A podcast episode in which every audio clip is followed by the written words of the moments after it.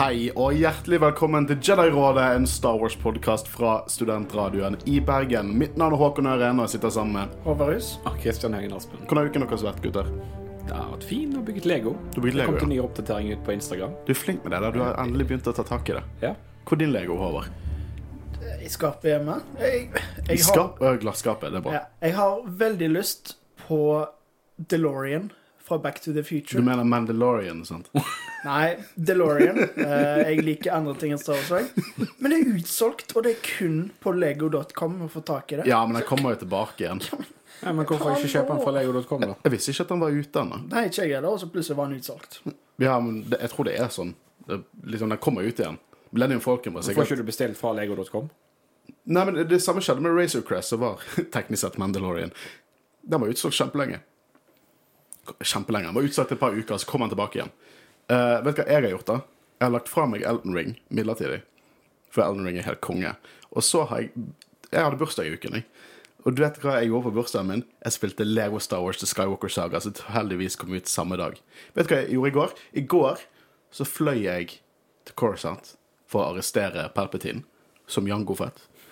Og så kom et separatistskip bare ut av hyperspace. Så jeg tok over det separatistskipet med mitt Mando-crew, som var Mando, Grogu og Jango Fett.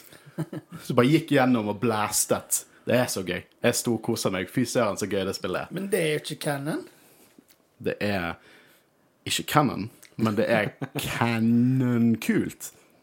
Kanonkult. Det var det som var uh, Det, det er òg et spill vi skal, vi skal dekke etter hvert. Ja, vi kommer til å ha en liten bonuspod, og da mener jeg en skikkelig bonuspod, eh, sammen med eh, kulturredaktør fra Studentradioen i Bergen, Magnus Appeland. Så det kommer vi til å ha en liten uformell diskusjon rundt etter påsken. Eh, det var jo dere lyttere som flere sendte eh, melding på Instagram når vi delte noen historier om uh, Lego Star Wars The Skywalker Saga, at uh, det måtte vi lage. Så det skal vi lage. Vi, vi, vi, vi er ingenting annet enn gavmild. uh, apropos Jeg er litt hypet i dag. For vet du hva? Vi har fått det, offisielt. Er dere i Bergen 4. mai, folkens, så skal Jedi-rådet ha sin første skikkelige livesending. Vi har en liten presentasjon før en filmvisning en gang, men vi skal ha vår første skikkelig livesending på Det akademiske kvarter.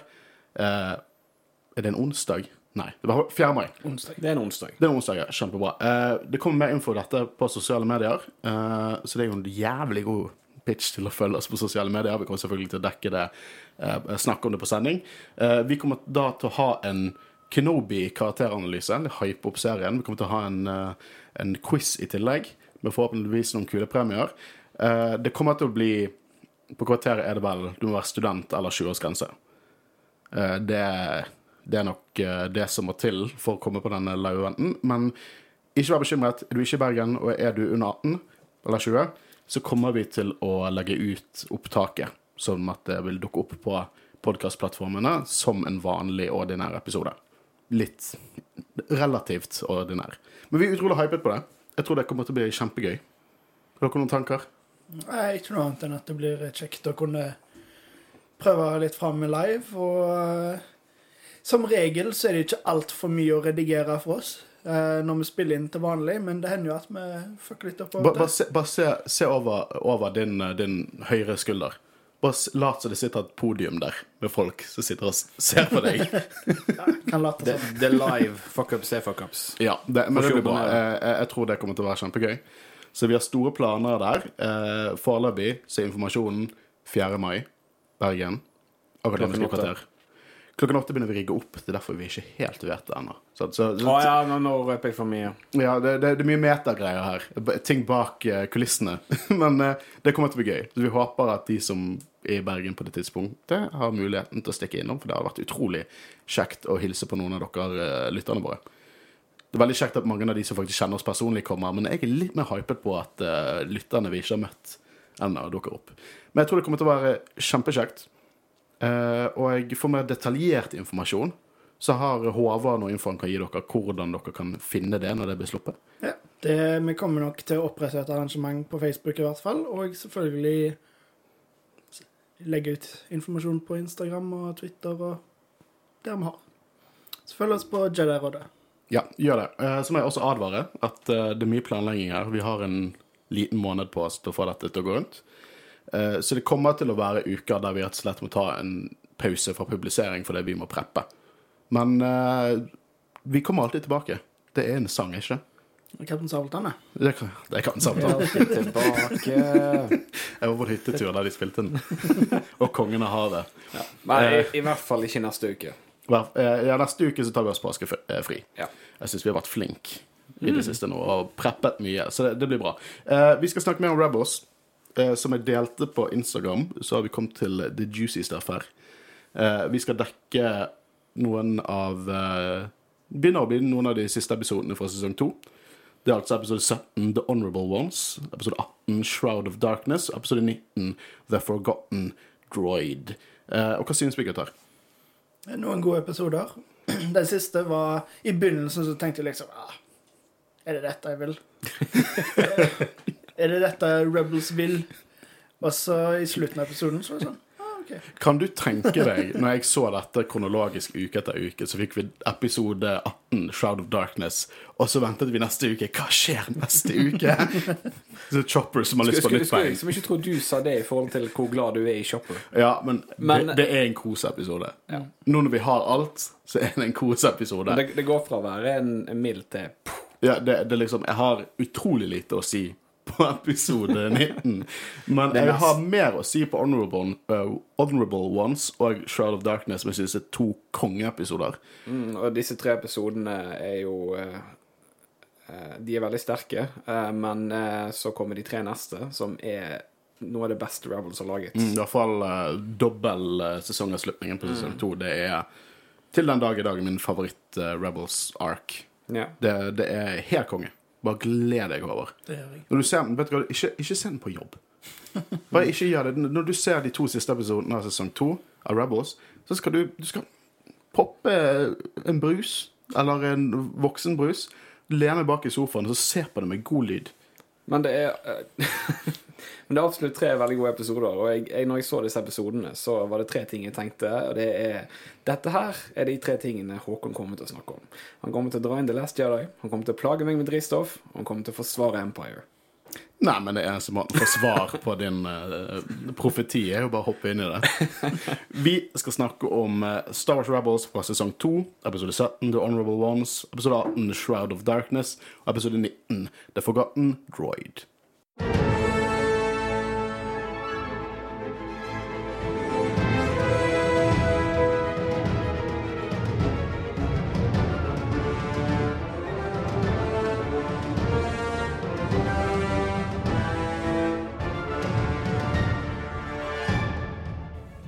Så episode 17, The Honorable Ones.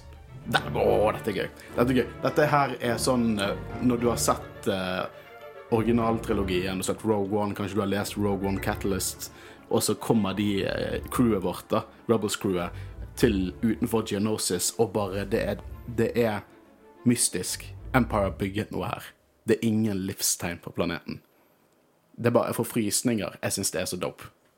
Og nei, det, det, er ikke, det er ikke greit med å drepe alle genosisene, Genosians ge- av Empire. Jeg skal ikke, skal ikke støtte de her, men det er jævlig kul storytelling. Jeg syns det er dritfett. Absolutt. Og eh, det er eh, veldig interessant òg når du liksom kommer og bare ser og liksom lurer på hva har de bygd her. Um, og jeg antar jo at det er The Death Star som eh, er blitt bygd. Eller, Yes, yes. Det er det som er deep canon, eller deep canon, ikke mainstream canon. De går mye inn på det i uh, Rowan Catalyst. Liksom problemene i produksjonen og uh, hvordan de brukte Genotions til å bygge det, rett og slett. Får du folkemordet på Genotions i Catalyst òg, eller er det Ja, det er Nå er det en stund siden jeg har lest den, men det er strengt referert der. Uh, hele dealet i den boken er jo det at alle planet Empire driver og markerer planeter som sånn frie planeter pga. Sånn naturen eller ressursene. At disse planetene skal ikke bli rørt. Det er sånn at du skal ikke, vi skal ikke ta ressursene derifra. Det er for mye natur å beholde. Og egentlig er det bare et sånn checkmark. Denne planeten skal vi bruke til å teste stål på. Denne planeten trenger vi å hamstre Kyber Crystals fra. De er jævlig onde, sånn egentlig. uh, og så er det selvfølgelig utenfor Geonosis, uh, der de skal bygge liksom selve strukturen, som er The Death Star, det mest ikoniske av den. Og da bruker de Genotions, som de også tar livet av, eh, med biologiske våpen etterpå. Eh, ikke 100 av livet alle. Det er noen som overlever, eh, som også kommer til å eh, bli med videre i Rebels senere. Men det er en utrolig fin referanse til bare veldig mye forskjellig Kennan-verk. Eh, og det setter jeg pris på. Det er en utrolig stilig eh, scene, og jeg liker hvordan Rex reagerer på det også. Bare sånn, sier til Chopper Nei, du må jo være crosswired. Selvfølgelig er det liv der nede. Uh, utrolig stilig. Uh, de blir jo De lander på en sånn plattform der som ser ut som har vært en plattform for å holde selve stasjonen på plass. Uh, og da blir de selvfølgelig angrepet av The Empire, og da mer viktig her Agent Callis, som leder The Empire. Eh, jeg liker reaksjonene til Rebels Crew, at de liksom forventer å se Agent Callis hvor faen enn de drar. De er nesten litt sånn familiar med han. Uh, og jeg har egentlig ikke så mye å si om det som skjer her, annet enn at Seb blir villig etterlatt, og han og Callis slåss, havner inn i en escape pod og krasjer uh, på en av de nærmeste månene, altså en måne som heter Baron. Som er passende navn, fant jeg ut. Det skrives B-A-H-R-Y-N. Jeg uttalte det aldri for meg sjøl før nå. Og nå skjønner jeg det. Nå skjønner jeg spøken. Så de, de, de land, krasjlander, de to, på Baron. Og jeg elsker sånne konsept. To erkefiender dømt til å må jobbe sammen for å overleve. Jeg syns det er kjempegøy konsept i storytelling. Eh, og det er jo det de gjør, da. Eh, de viser liksom Jeg vet ikke om det er noe vits å gå inn på det. Man ser på en måte hvor ærbar Seb er, da, for Seb nekter å skyte han fordi at han er skadet. Han, eh, eh, Callus knekker beinet. Og eh, han sier bare det at han peker eh, bow riflen sin på han og sier at nei, dette gjør jeg ikke. Det gjør vi når du er helbredet, så det blir en fair fight. Han vil ikke drepe i kaldt blod. Nei. Og du ser at Callus reagerer på det. Sånn at Han blir overrasket. Ja. Eh, og så er jo hele dilemmaet her, da. Hvem kommer og redder de først? Empire eller Rebels? Eh, og det er jo som det hele plottet her går ut på. Det, det blir kaldere og kaldere, og Callas er jo prøver å argumentere for at Empire er De, de kommer til å være rettferdig. Hvis, hvis de kommer og redder dem, så kommer de til å være rettferdig med seg. Hele dialogen de, de har, på en måte, uh, fikk meg til å tenke tilbake på den episoden når Guro var med. Uh, når dere hadde den fulle krangelen i forhold til Empire. Uh, der på en måte dine argumenter kommer veldig godt fram i denne episoden. Med at eh, det er ikke alle uh, Empire guys som er bad guys, på en måte. Og det, det, Mm. Og det alle- var, det var det første jeg tenkte på. Det tok meg tilbake til den episoden med deg og Guro. Og hvordan denne episoden på en måte argumenterer for det du mente. Ja, og det er ikke alle opprørere som er good guys heller. Og Nei. det tar jo de opp som et eksempel. Selvfølgelig drar de fram det mest ekstremistiske duden i hele opprørersælet, Saw Gerrera.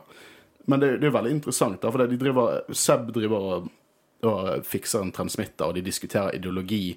Eh, og eh, Callis har rett og slett hatt traumer sjøl. At eh, han på en av sine første oppdrag Var det på Onderon, sa han? Ja. så kom det, eh, kom det Ble angrepet av Sogarera sine opprørere, og en lasat kom kaldblodig og skjøt én og én person. Og da, det er jo da eh, Seb sier dette her, da, at ja, men en lasat er ikke som en annen. Og så sier Callis, kan du si det om en Imperial? Eller det kan sies som en Imperial. Og det syns jeg er utrolig kult, for Callis han er Den episoden i seg sjøl er et nytt sånn crossroads for han som karakter. At det er noe dypere enn den jævlig teite skjegget som matcher hjelmen hans perfekt, og liksom bare erke-imperial. Det er noe mer til han. Ja, eh, Dere har jo hinta litt uh, i tidligere episoder at uh, han får en ganske interessant ark. Uh, og eh, jeg skjønte jo med en gang på en måte denne episoden begynte, at det var på en måte litt dette her dere sikta til, og eh, i hvert fall at det er her det begynner. Så jeg blir, gleder meg til å se mer av han senere. Mm. Jeg har lyst til å poengtere ut at det er iskaldt her, og, og de ikke, ikke her, jeg syns det er greit temperatur i studio, men i Universe, på Baron. Uh, og uh, den power cell eller ovnen de har, går, går ut, og så finner Seb liksom bare en glødende stein. Og alt jeg tenkte, var sånn Tsjernobyl-serien er fortsatt i, ganske klart i hodet mitt. Sånn. Jeg har Sånn, jo tenkt at den der, den er radioaktiv. Garantert. Uh, men de finner ut at de er under et lag av is over hele månen, og de må opp over det laget for at den transponderen skal fungere. Problemet er at den transponderen gir ut et åpent signal, så det blir absolutt hvem finner de først. Uh, men det er, de er ikke alene alene. Det er noen dyr, eller bonsami, som de heter. Utrolig kult design på de. Store snøøgler med hos øksehoder. Det er egentlig min forklaring på dem. Jeg fikk litt mer sånn dinosaur-vibe. Ja, men dinosaur, men Star Wars-dinosaur, på en Ja, måte. ja, ja. Jeg syns det var veldig passende. Jeg, jeg, jeg ser for meg at jeg kunne sett de i sånn The Old Republic, som er en sånn miniboss i The Old Republic MMO-et. Det, bare, det var, var veldig effektivt effektiv design for meg. Um, hele dealen her er jo det at um, Hva som er interessant Jeg liker eh, de, de må kjempe mot dyrene. Det er ikke sånn dybde i hva som skjer, det er mer dybde i karakterer her. Så jeg, jeg føler ikke det er noe vits i å drive og gå gjennom punkt for punkt hva det er som skjer, annet enn at de er i en tricky situasjon, og de må hjelpe hverandre.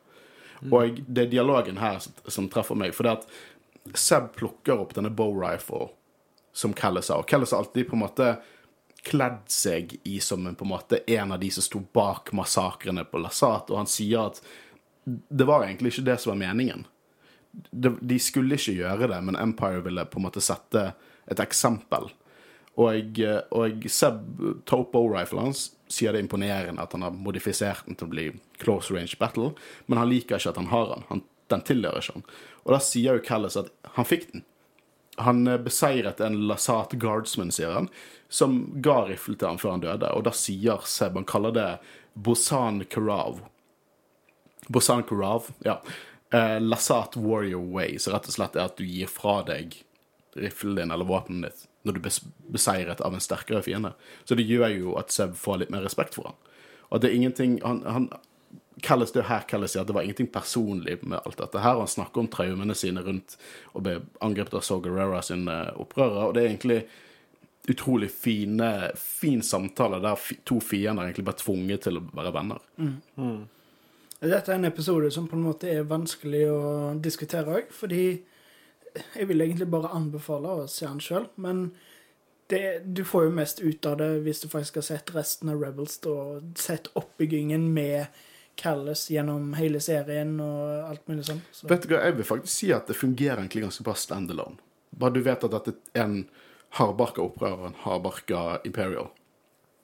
Selvfølgelig får du betraktelig mye mer hvis du vet om karakterene, men det er en fin sånn det finnes sånn bilde bak fasaden, en realistisk bilde bak fasaden, for det vi ser i Star Wars-universet, at det er alltid to sider til, til, til en sak. Eh, og jeg syns det er kult, og, og jeg kommer ikke til å sitte og argumentere Å, derfor er Empire best! Det er bare det at det er gode folk i The Empire. Betraktelig flere bad folk i The Empire, og så er det gode folk betraktelig flere gode folk på opprørerne, men også bad folk. Ja, altså, Opprørerne. kan du òg si at det er folk som på en måte blir eh, ville til løgner over hva de skal tro på, holdt jeg på å si. Eh, at de tror de velger riktig side med å velge The Empire, fordi de blir fedd med løgner. Ja, det, men det, det er jo det, for det, de snakker jo litt sånn sånn mm. eh, Hva ble bygget her? Bare sånn Det er ikke min plass å spørre om, så, så du bare følger det blindt, da. Ja. Eh, Det er liksom den di dialogen. Og, og så er det noe morsomt. Jeg elsker at Callis bare sånn Caribest, what the fuck does that even mean? Eh, og jeg har ikke så mye mer å si, for de kommer jo seg opp da og, og gir hverandre råd og strategier og hjelper hverandre. ja, de har på en måte funnet at for å overleve så må de hjelpe hverandre. Ja. Og det ender jo med at The Ghost Crew kommer først. De kommer først dit. Uh, Seb sier at Skal ikke du ta med det vakre uh, momentet når de sover sammen? Ja, ja sover oppå hverandre, så å si. Og så blir de sinte når de våkner. Ja, fint, fint øyeblikk. Men Ghost Crew dukker opp først, og Seb sier at vi kommer til å være liksom ærbare, liksom behandle deg rettferdig, og så sier sier Callis at jeg tror jeg holder meg til The Empire, og Seb eh, han respekterer det. Så han sier ikke ifra til Ghost Crew at, at, eh, at Callis er der. Og det er jo òg litt interessant, da, med tanke på det Kalle sa tidligere i episoden, at eh, ja, hvis Empire kommer først, så de kommer til å få en fair trial og litt sånn. Eh, men Seb, han sier at han vil ikke ta den sjansen, og på samme måte nå så sier jo han at Calles kommer til å få en fair sjanse, men han tar heller ikke sjansen på det, så det mm, det, det er jo fortsatt litt sånn tvil, og at de ikke stoler helt på hverandre, da. Men uh, merker jo at det er Det, det, Begge to har lært mye av hverandre, for å si det sånn. Ja, og jeg, jeg elsker den når, når Seb forlater Kelle, så bøyer han seg, som at han viser ære. tolket at det var sånn lasert måte å vise ære på, for han tar hendene sammen og bøyer seg. Eh, og jeg liker at han ikke sier det til Ghost Crewet. Og så elsker den scenen han møter Ghost Crew, og de er oppriktig vært bekymret for han, og de er så glad for å se han igjen. Og de, de tar han imot som familie, for det er det de er. Ja. Og så ser du scenen senere, da, når Callis er tilbake hos The Empire. Ja, når han treffer på eh, Konstantin. Ja. For, for jeg tror at han på en måte har fått kjent på det i denne episoden, og så fikk han virkelig kjenne på uh, når han prøvde å snakke til Konstantin. Ja, de bryr seg ikke. Nei, ikke i det hele tatt. Uh, Callis er bare et eh, objekt, han er et verktøy for The Empire, og det er ingen bånd der. Og så ser du at han setter seg ned på rommet helt alene og liksom Og skal sove ved siden av den radioaktive steinen. Det blir sikkert lurt. jeg syns dette er en helt fantastisk karakterepisode. Absolutt. Og den er akkurat så lang som den trenger å være. Trenger ikke to episoder av dette. her. Kunne fort blitt We get it. Jeg synes dette, dette er flotte 20 minutter Star Wars karakteranalyse, rett og slett. Jeg synes det er helt fantastisk. Eller jeg vil nesten si mer sånn faksjonsanalyse av Empire versus Rebellion, og, og hvordan de eh, de går virkelig inn på hva, liksom, hva er de vanlige personene som kjemper for hver av de sidene. Det, det, jeg syns det er helt fantastisk. En utrolig gøy episode. Har dere noen eh, siste ord på dette? Nei, ikke noe annet enn eh, at jeg gleder meg til å se videre. Om, fordi eh, jeg har jo mine spekulasjoner om hva som eventuelt kommer til å skje, men um, vanskelig å vite helt sikkert. Så jeg gleder meg. God episode. Det er det. Så vi hopper apropos god episode. Vi hopper videre til episode 18, Shroud of Darkness, og dette er juicy. Den beste av de tre vi ser nå? Ja, garantert. eh, vi hopper på til planeten eh, Osalon, eh, der Kanan og Ezra slåss mot inquisitorene. Altså Seven Sister og eh, potetene mener Fifth Brother.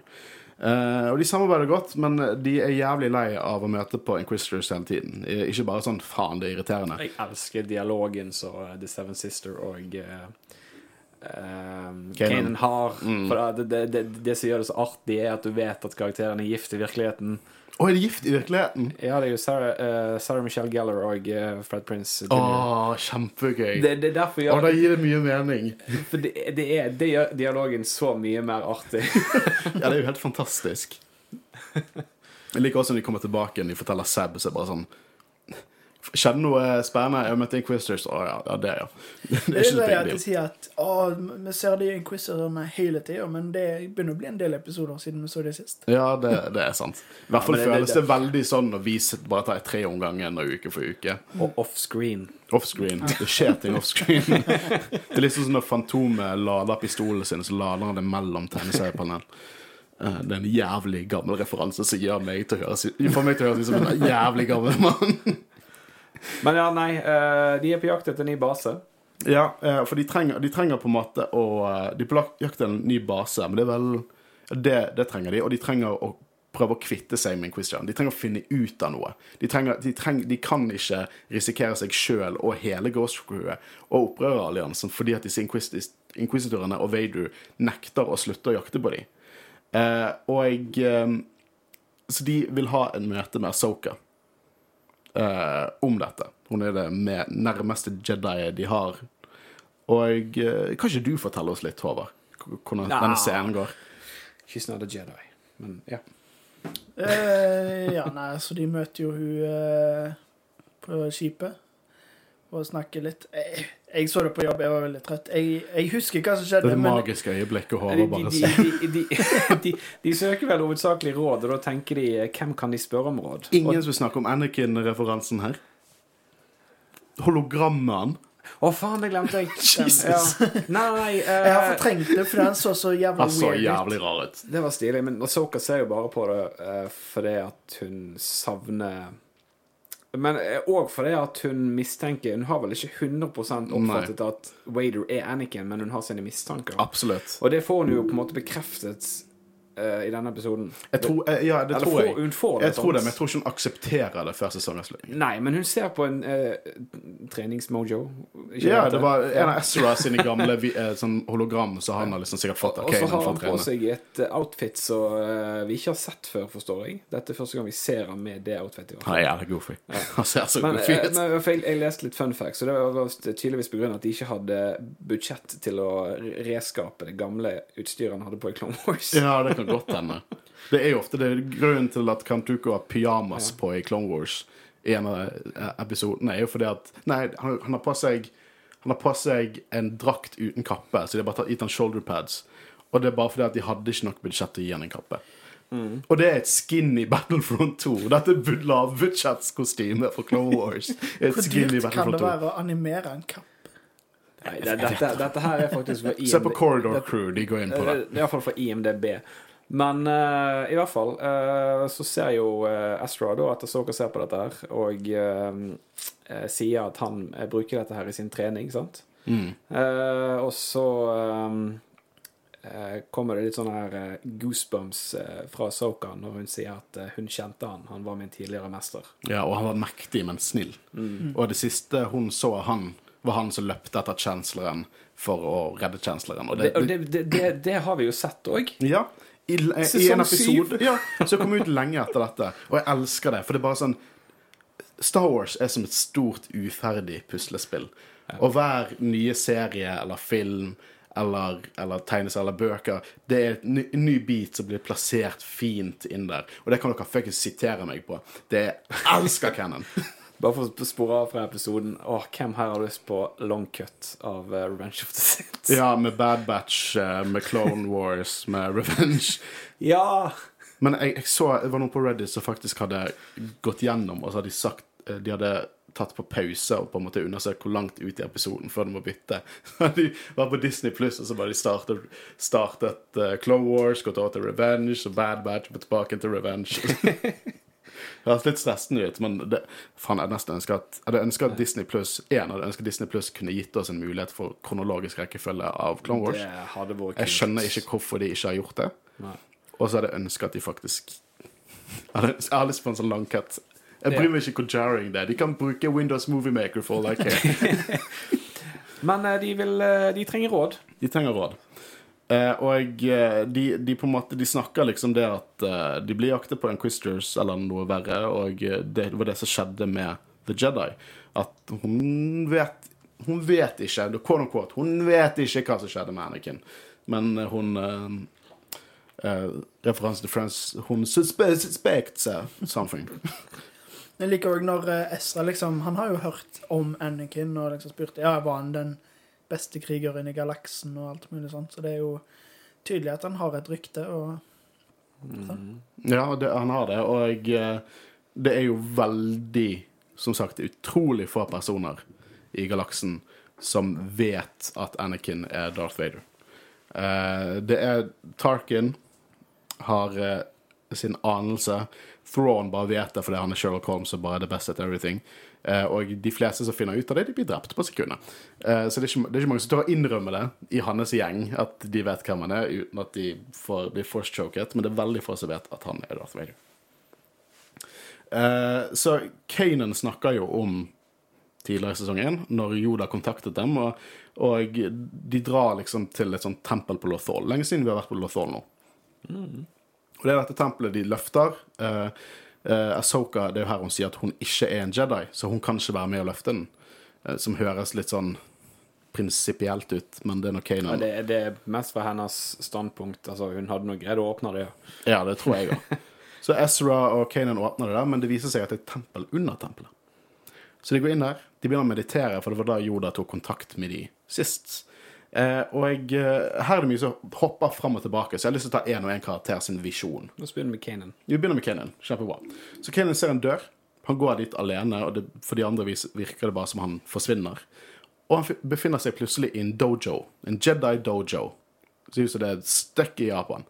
Eh, som jeg syns er kjempekult. Vet du hva? Dette syns jeg er kult. De har tatt Star Wars, og så har de dratt det litt inn i japansk sånn, historie og kultur. Dette er mer effektivt for meg enn Star Wars Vision, Visions var. Synes, dette er mer hva Star Wars Visions burde vært, enn hva Star Wars Vision for mange, stor, mange, deler, mange episoder selvfølgelig- var mye bra der.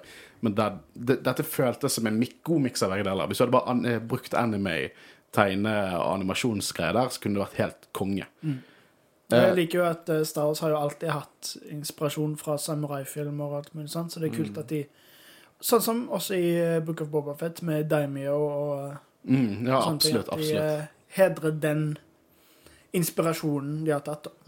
Så, så det som skjer der inne, er at uh, Kanan møter en sånn Temple Guard eller Sentinel. Vi har sett uh, lignende masker, og det er jo helt klart de de på en måte representerer, da, bare litt mindre robes.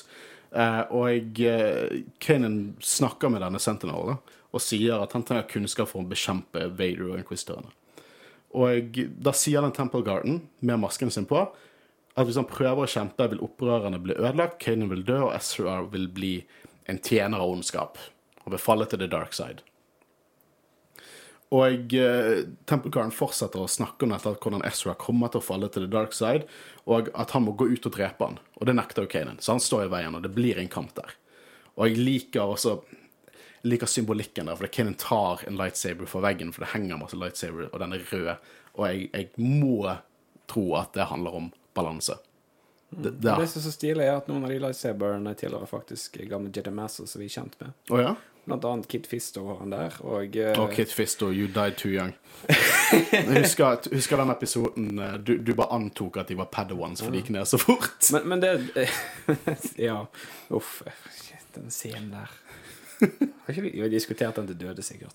Uh, anyway. uh, ja, det er litt kult at de putter sånne easter eggs inn der. Uh, og så han her Unnskyld meg, altså, men Adimundi. Kia de Mundi. Kida, ja. der. Er det bare som liksom. Og så to som jeg ikke husker så godt, så jeg fant navnet på, er Luminara og uh, Luminara underlige. Ja. Mesteren til Barry Sophie. Ja, ja. Mm. ja. Men var den siste der? Nei, det var de, Det var de, ja. det var de Mm. jeg fant navnet på. Ja, men det er kult. Ja, Det er litt stilig. Eh, og det er jo alle døde Jedi-mestere, så det fungerer jo fint i Ja, visjonen, liksom. Mm. Eh, så de, det, det blir Kanan med rødt og blått lightsaber mot flere Temple Guards. Og Kanan sier bare til slutt at han kan bare gjøre det han har gjort, og det å trene Ezra så bra som han klarer.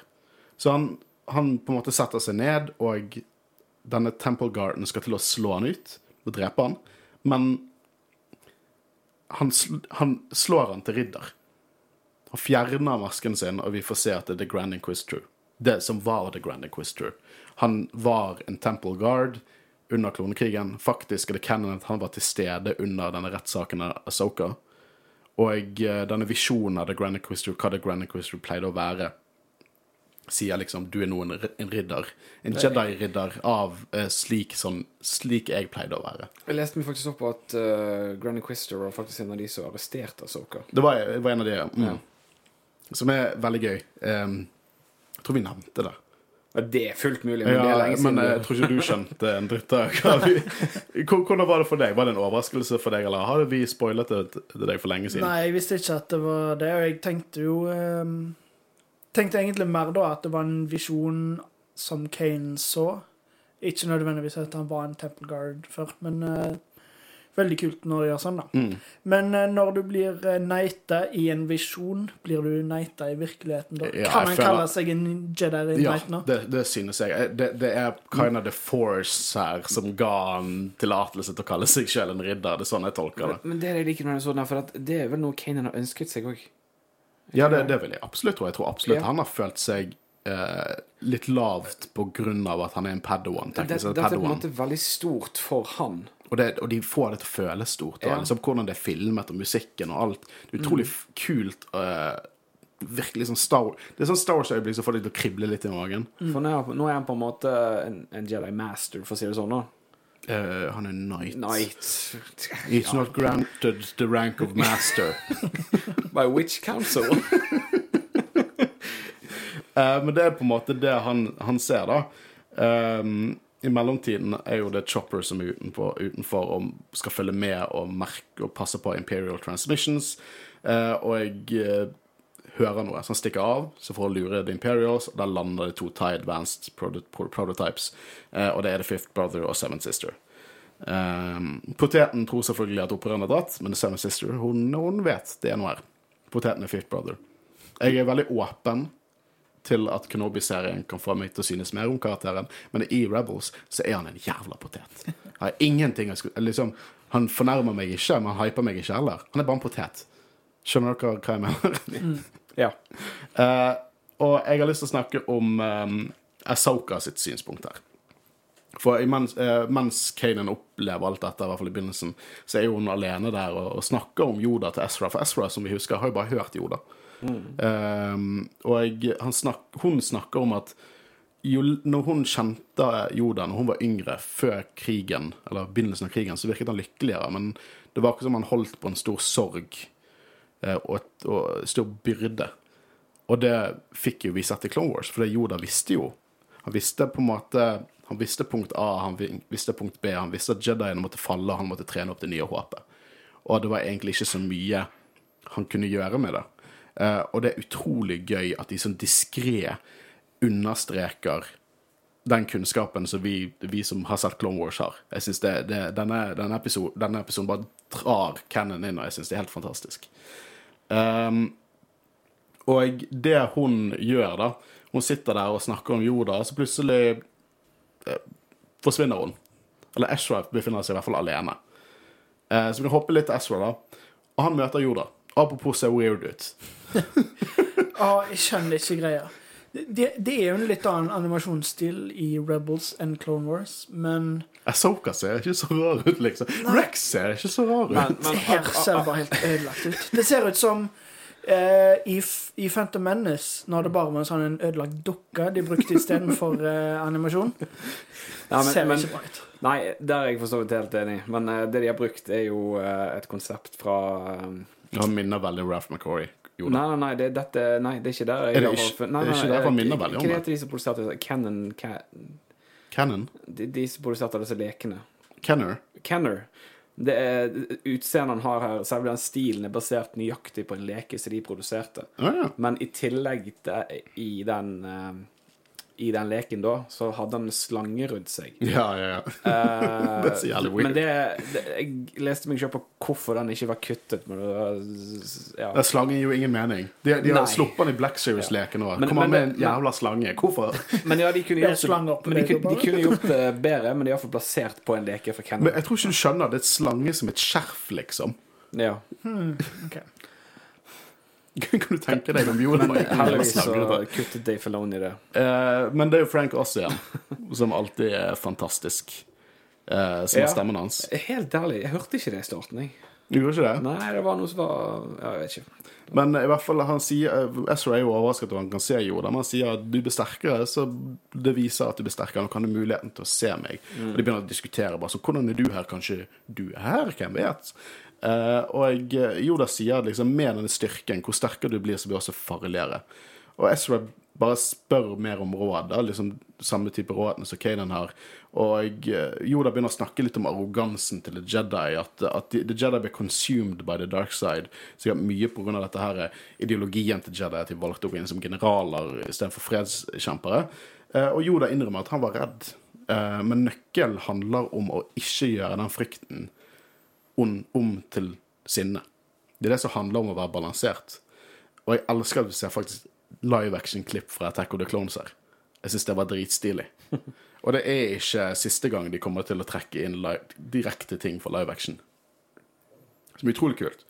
Uh, og eh, han sier Det er liksom hele denne her For Ezra tolker dette at du, vi kan ikke, skal ikke kjempe, for det er bad. Og så sier på en måte Yoda at hvordan du velg, en, en Jedi velger å vinne, er spørsmålet, liksom. Og til slutt så sier han bare det at fienden har funnet deg, du må finne Malachor. Og Yoda forsvinner. Uh, hopper litt kronologisk fram og tilbake her. Vi tar Asoka sin side her. Og jeg synes at Ezra sin og Asoka sin synspunkt er de mest interessante her, by far. Uh, Asoka hører Anakin som Anakin som klagende, ikke på en whiny måte, men klagende på hvorfor dro du, hvorfor forlot du meg, du er egoistisk. Og han ser, vi ser Anakin i en skygge bak Asoka. Og de begynner å diskutere hvorfor hun forlot Jedien. Og når Anakin sier 'Do you know what I have become?', som er bare ah, frysninger. Og så endrer skyggen seg til Darth Vader, og du hører Imperial March. Og det er der jeg på en måte har inntrykket Der har hun forstått at det er han. Og, og, og det, hun, drar, hun snur jo og drar lightsaberen og gråter, og det treffer hun dypt. Men hun avslutter det hele med 'There's still a way'. Uh, det er på en måte de visjonene vi får, da. Og hva synes dere om disse tre? Ja, det er veldig interessant å se, og jeg er veldig glad Jeg har nevnt det mange ganger, men jeg er- liker veldig godt når vi lærer mer om Jedier, og at det er veldig mystisk og sånn. Så den episoden eh, når de var i det tempelet i sesong én, det er jo en av mine favoritter så langt, i hvert fall. eh, Bare på grunn av det. Eh, Så um, veldig interessant å se ja, de ulike synspunktene, og kjekt å se Yoda igjen, selv om han så weird ut. Anakin og Yoda i begge episoder ser helt weird ut. Men ja, jeg er enig. Jeg elsker når det, som sagt når Star Wars går mystisk, og jeg elsker når de gjør det komplisert. At ting er ikke svart og hvitt, og da mener jeg sånn om motivasjoner til karakterer. Uh, The Jedi som organisasjon, jeg syns ny canon virkelig har understreket at måten de var under republikken, er ikke slikt som er meningen, at de gjorde feil. Uh, og dette er en episode som virkelig går med på akkurat dette her. Um, Jeg liker òg det med Yoda, da, at han er At han sier på en måte at han var redd, han var veldig usikker og alt mulig sånn. Og eh, det gjør meg nesten bare mer irritert over prequel-filmene, fordi det er jo ganske tydelig at det var på en måte det de ville fram til.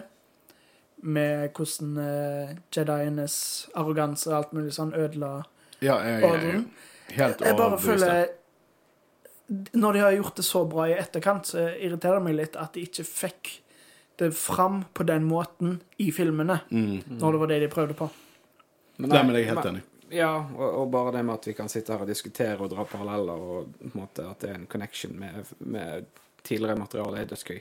Ja, det er det. Ja. Det er grunnen til at jeg hadde lyst til at vi skulle starte denne podkasten, er jo å trekke sånne paralleller. Det er morsomt hvordan vi har utviklet oss. I begynnelsen så tok vi på en måte det som er toppen av mainstream canon, som er filmene, og begynte å snakke om fun facts, og mange av de fun factsene kommer fra det vi nettopp snakker om nå, som er Rebels og Clone Wars, og alt in between. Jeg merka det at forskjellene fra når vi dekka dekket sagafilmene, var det at vi kom med masse law fun facts fra, men når vi går dypere inn i Lauren, så begynner vi å diskutere mer tematikk og analyser og sånne ting. Eh, og det syns jeg er veldig gøy. Eh, tempelet rister jo, faller fra hverandre, og de løper ut idet Inquisitors løper inn, eh, som blir angrepet av visjonen av Temple Guardsene. Tolk den. det er The Force her, light side of the Force, som bare slår ut, redder micro-chosen ones. Eh, liksom, det er utrolig kult, og det, jeg tror ikke det er meningen at vi skal skjønne hva det er de ser i hulen. Jeg tror bare at det er, disse, det er på en måte viljen av The Force. Det, det er mystisk, og det er meningen at vi ikke skal på en måte skjønne det, liksom, det, det taktile bak dette her. da. Og det er en sånn Deus Ex-makene som faktisk gir mening. Ja. Uh, jeg liker at Asoka snur seg og ser Master Yoda. Fint lite øyeblikk. Og så blir de reddet av Chopper i The Phantom, og Ezra videreformidler meldingen fra Yoda at de må dra til Malachor. Og, de, og Asoka sier at Malachor er ikke en person, det er et sted. Sted. Jeg kommer ikke til å lorde på Malachor ennå. Malachor er det mye å si om for Legends også. Eh, det sparer vi til eh, vi dekker faktiske episodene som utspiller seg på Malachor. Oi enough. jeg trodde vi skulle snakke litt Malachor. Nei, Nei okay. jeg nekter faktisk. Du Ingen nekter. I denne episoden. Ok, Ja, men, men Jeg har ett spørsmål om Malachor. Jeg, jeg kjente igjen navnet, så har det blitt nevnt før? Eller har jeg bare Er det kanskje Vi har snakket om vi det før. snakket om det Og du har snakket om en I Clone Wars, tegneserie. blant annet. I tegn- vi, vi snakket om Darth Maul-tegneserien fra 2017. Den hadde flashbacks til Malachor. Ah, OK, da tror jeg jeg vet hvor Malachor er. Ja, men vi, vi har snakket om det, men vi kan godt vente til Ja, vente. Ja, men det, liksom- det, ja, men det er greit. ja, eh, du, du, Når du faktisk ser det. Ja. Eh, siste scene. Vader, James Earl Jones uh, sammen. Jep, Tenker yep. Frank Oss og James Earl Jones spilte liksom i samme episode av Rebels. Det er konge. Var det faktisk James Earl Jones? Ja, det er James Earl jeg synes det var Han høres litt mer gam Han høres gammel ut, så det er kanskje bare det som gjorde det. Men Mm. Ja eh, han hørtes jo mye bedre ut i Rogue One, da. Jeg syns han høres litt gammel ut i Rogue One, men jeg I don't, kind of don't care, for jeg har lyst til at James Earl Jones skal ha stemmen til Vader. Selvfølgelig. Det verste, det verste Obi-Wan-serien kunne gjort mot meg, er å prøve å få Hayden Christiansen til å høres ut som Darth Vader. Det hadde jeg gitt opp. Det, det, det hadde aldri Nei. Uh, please si at James Earl Jones har voice actor Vader i Kenobi-serien. Det vil jeg. Jeg vil tro at Nei, jeg vet ikke. Jeg skal ikke spekulere. Det er ikke så mye som skjer når uh, Imperius dukket opp her, annet enn at Vader er back in the game, og han sier at liksom uh, Doom. If you want something done right, Ja. do it yourself. Han tar en Thanos, liksom. Det, ja. Så det var jo helt klart den beste episoden her. Og så kan vi hoppe inn i episode 19, The Forgotten Droid. Dette her er en gøy episode. Skal vi bare sette opp eh, scenen for hva som skjer? Den handler om vennskap. Den handler om drivstoff, og du vet det, Christian. Vennskap! Det er en passende sted eh, De finner et passende sted. De skal finne en ny planet, passende sted pga. de cross-refererer eh, kartet til Rex. Rex hadde jo noen eh, informasjon om gamle baser, og, og Seb sine crazy eh, religiøse lasatfolk. Og de finner en passende må, eh, måne da, som heter Jast. Men de har ikke nok drivstoff til å nå Jast, Christian. Nei, jøss, har ikke de det? Så de må dra til et fuel depot. Tenk deg et helt, et område, liksom. Det er liksom Som bare er dedikert for drivstoff. Var ikke vi ferdige å spille inn snart? uh, jeg har ingen behov for å gå detaljert gjennom denne her. Det er Chopper som fucker opp, og så gror han seg sjøl inn. For at de skal få drivstoff. Tungt bevæpnet eh, depot med masse Imperials. eh, og Chopper skal holde Han skal passe på at ikke de blir sett og gi, eh, gi beskjed og sånn, men han finner et bein som matcher sitt andre bein, for Chopper har to forskjellige bein. Um, så det er en sånn episode. Jeg elsker når Hera prøver å snakke strengt til han, og så sakte snur han hodet sitt for å se på det beinet. Jeg syns det er helt fantastisk. Jeg likte jo veldig godt scenen du så når han faktisk har gått for å prøve å eh, få det beinet, da. Fordi først så prøver han jo å prute litt, kanskje, og eh, få det billig. Så i bakgrunnen så ser du bare resten av Ghost Crew springe i en eh, Skyte fram og tilbake mot Stormtroopers og reise, mens han bare er helt opptatt med bein. Det jeg synes er, er gøy, er at etter For han er strandet der. Og så tar jo han den der Ugnoten eller stjålet bein fra sida til Stormtroopers. Som nettopp blitt angre, ble angrepet av liksom en opprørercelle. Og de sa 'Å, den droiden stjal beinet mitt'. Og de er dumbass fucking stormtrooperne mener det er verdt å undersøke, liksom. Så de følger etter han og tvinger han inn i en sånn cargo ship. Det cargo shipet, den skipsmodellen, eh, har ikke jeg i hodet mitt nå. Uh, jo, det er en class for container transport. Jeg har en ekstra tab på Wikipedia. Det var akkurat den. Uh, jeg ser på skjermen min. Uh, det minner meg veldig om type cargo-skipet som vi ser i Force Awakens, egentlig. Litt annen form. Det er jo den han Solo har. Uh, med masse de her containerne som er på en sånn egen compartment. Ganske kult, egentlig. Men det viser seg at det er et Imperial cargo ship. Uh, så Chopper er strandet der inne. Uh, og vi møter en annen droid. En, nå er han en inventory droid, men han, han, han tror han er navigator. Han tror han er, han er født til noe større. Har, og dette her er en RA7 protocol droid, også kalt AP5. Eh, og han har en shitty sjef. Eh, det høres ut som han er spilt av Alan Rickman. og dette, kort fortalt, dette er Choppers and C3PO. Det er det det er. Ja, ja, ja. Dette er et enda mer dysfunksjonell C3PO og R2D2. Det, det, det handler om deres vennskap. Vi Vi kan snakke litt om RA7 eh, Protocol Droid. Så er det klassisk design. Det er de bug-eyed droidene. De har eksistert siden Star Wars har eksistert. Helt tilbake i New Hope. Så det er en utrolig ikonisk droidedesign, eh, og vi har sett de mange ganger siden da. For Vi vet ikke nøyaktig hvem som har stemmen til den droiden. sant? Jo da, eh, faen hva den heter da. Eh, han, har han har stemmen til Old eh, Obi-Wan. Han har stemmen til Admiral eh, Hva den heter Raddis fra Rogue One, faktisk. Oh. Uh, jeg kommer til å bli rettet på det. Uh, jeg, vet bare, jeg vet bare in universe hvem han er. Okay. Du skal liksom kunne vite, Christian. Det er din ting. Å ja, jeg glemte å søke det opp i IMDb. ja, ja, det går fint. Men uh, han møter på denne drøyten, da, som har lyst til å på en måte calle han inn og si bare det at du skal ikke være her, og er sint og gretten. Og det er mye banter og krangling. Uh, og jeg liker den scenen når, når AP5 skal på en måte løpe etter Chopper, så Chopper bare flyger og lager på sånne uh, stemmer, mens AP5 bare går sakte bak og sier du slipper aldri unna. Uh, så det vi, og når Chopper drar opp som en sånn gal drug addict med en kniv, liksom. Holder deg unna beinet mitt. Uh, så sier jo AP5 sånn ikke, Det er ikke noe vits med vold her. Du trenger ikke ty til vold. Uh, og det viser seg at Chopper han er en military model. Han er en krigshelt, hevder han sjøl. Og eh, det viser seg at begge var militære droider under klonekrigene, spesielt under Ryloth-kampanjen, som vi har sett med våre egne øyne. Og at Y-wingen til Chopper ble skutt ned. Så får han på en måte Hvem er det som gidder å redde en droide? Så viser Chopper et hologram av Hera. Og et fint lite øyeblikk så viser det at Chopper han er oppriktig glad i sin, eh, sin mami, som er Hera. Uh, og uh, han prøver Han er en sånn ba bad influence Baby Five. Der. Han prøver å overtale han til sånn oh, free will. og, og klarer å få han til å bryte ut av programmeringen sin. Kan du tenke deg hvis droider eksisterte i vårt univers? Det er sånn, Hvis du har en gammel laptop, liksom en åtte år gammel laptop som bare så vidt henger igjen, den går ut for tom for batteri hvis du bare tar ut laderen, og så kaller du det jævla drittmaskin, og så bare slår den deg. Det, det, det liksom, denne, vi må ha en episode der vi snakker om frivillige blant droider. Er droider senti, liksom, er droider sentient, kan de tenke sjøl? For det er veldig motsigende ting. Og hvis de er sentient, hva gjør de der um, Restraining bolts. restraining bolts? Dette får Liksom, meg- gjør det, er det sånn opium at de bare helt doper ned, liksom? Jeg tror det betyr at de ikke kan gå vekk fra et visst areal, men det kan jeg ta feil om. Men, eh, Dette får meg til, når vi snakker om det, får meg til å tenke på For jeg så solofilmen nylig, et par dager siden. Eh, Er det Droid Rebellion der?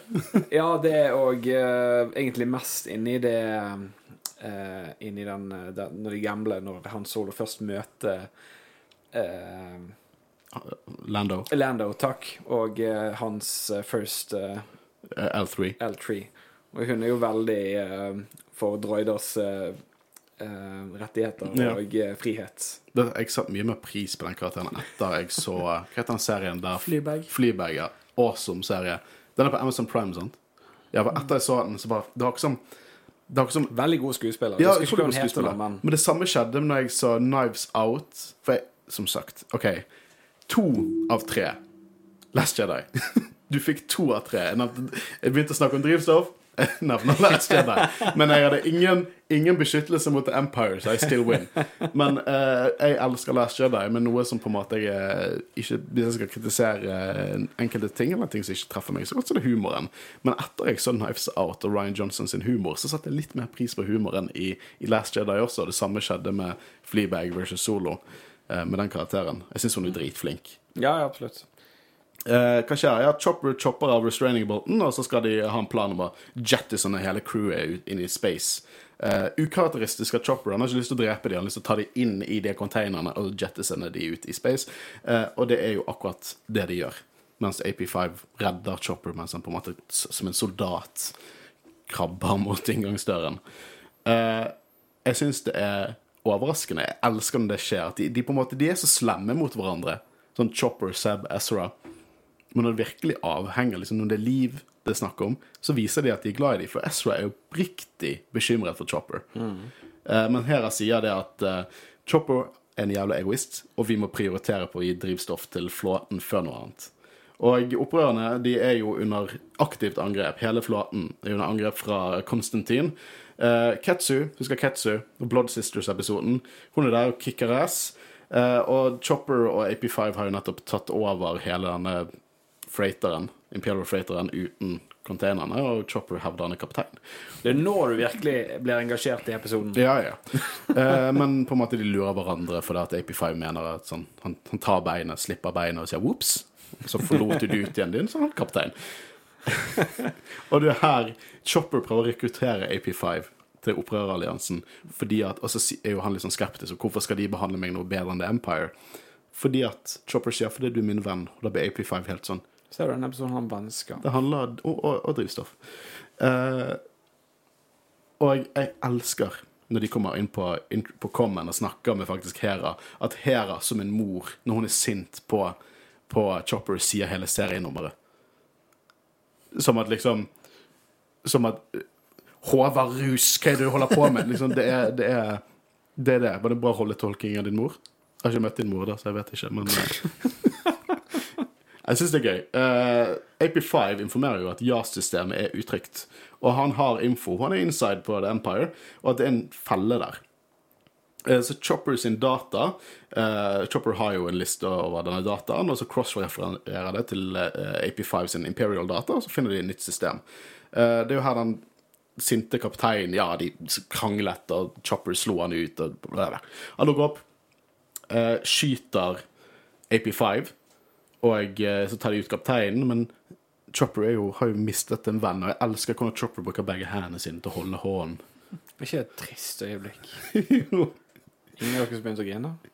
Jeg elsker også når Kanan sier, sier til Hera Du skjønner at hele flåten nå Eller når Hera sier det er helt sykt at hele flåten avhenger av Chopper sin, sine valg nå. Så sier Kanan ja, prøv ikke å tenke på det. Eh, så det er jo De, de finner et nysted med å hoppe dit. Uh, Sabina fikset opp AP5 med å bruke Chopper sitt bein. Og Chopper ofret sitt bein, sitt nye symmetriske bein, for å redde AP5.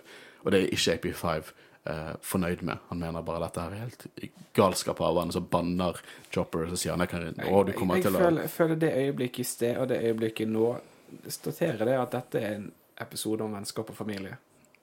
Ja, det og drivstoff. Men eh, ja, så det var en en utrolig lite viktig Eller føles som en utrolig lite viktig episode, men samtidig er det veldig viktig, for vi må jo finne ut hvordan opprørerne fant basen sin. Ja, ja absolutt. Å, jeg fikk meg så lyst til å snakke om neste episode nå. Ja, Vi kan si en liten ting, da. Store maur? Ja, Det òg, men neste, vet dere hva den opprøreralliansen heter? maur. I canon Chopper Base. Ja. Nei, ikke, ikke maur. Snakk om edderkoppene, ed- Ja, edderkoppene. Mm. De er creepy. Ja. Ja, de- de- Ja, sånn. Men du. Men det var uh, Chopper sin beinepisode. Hva syns vi?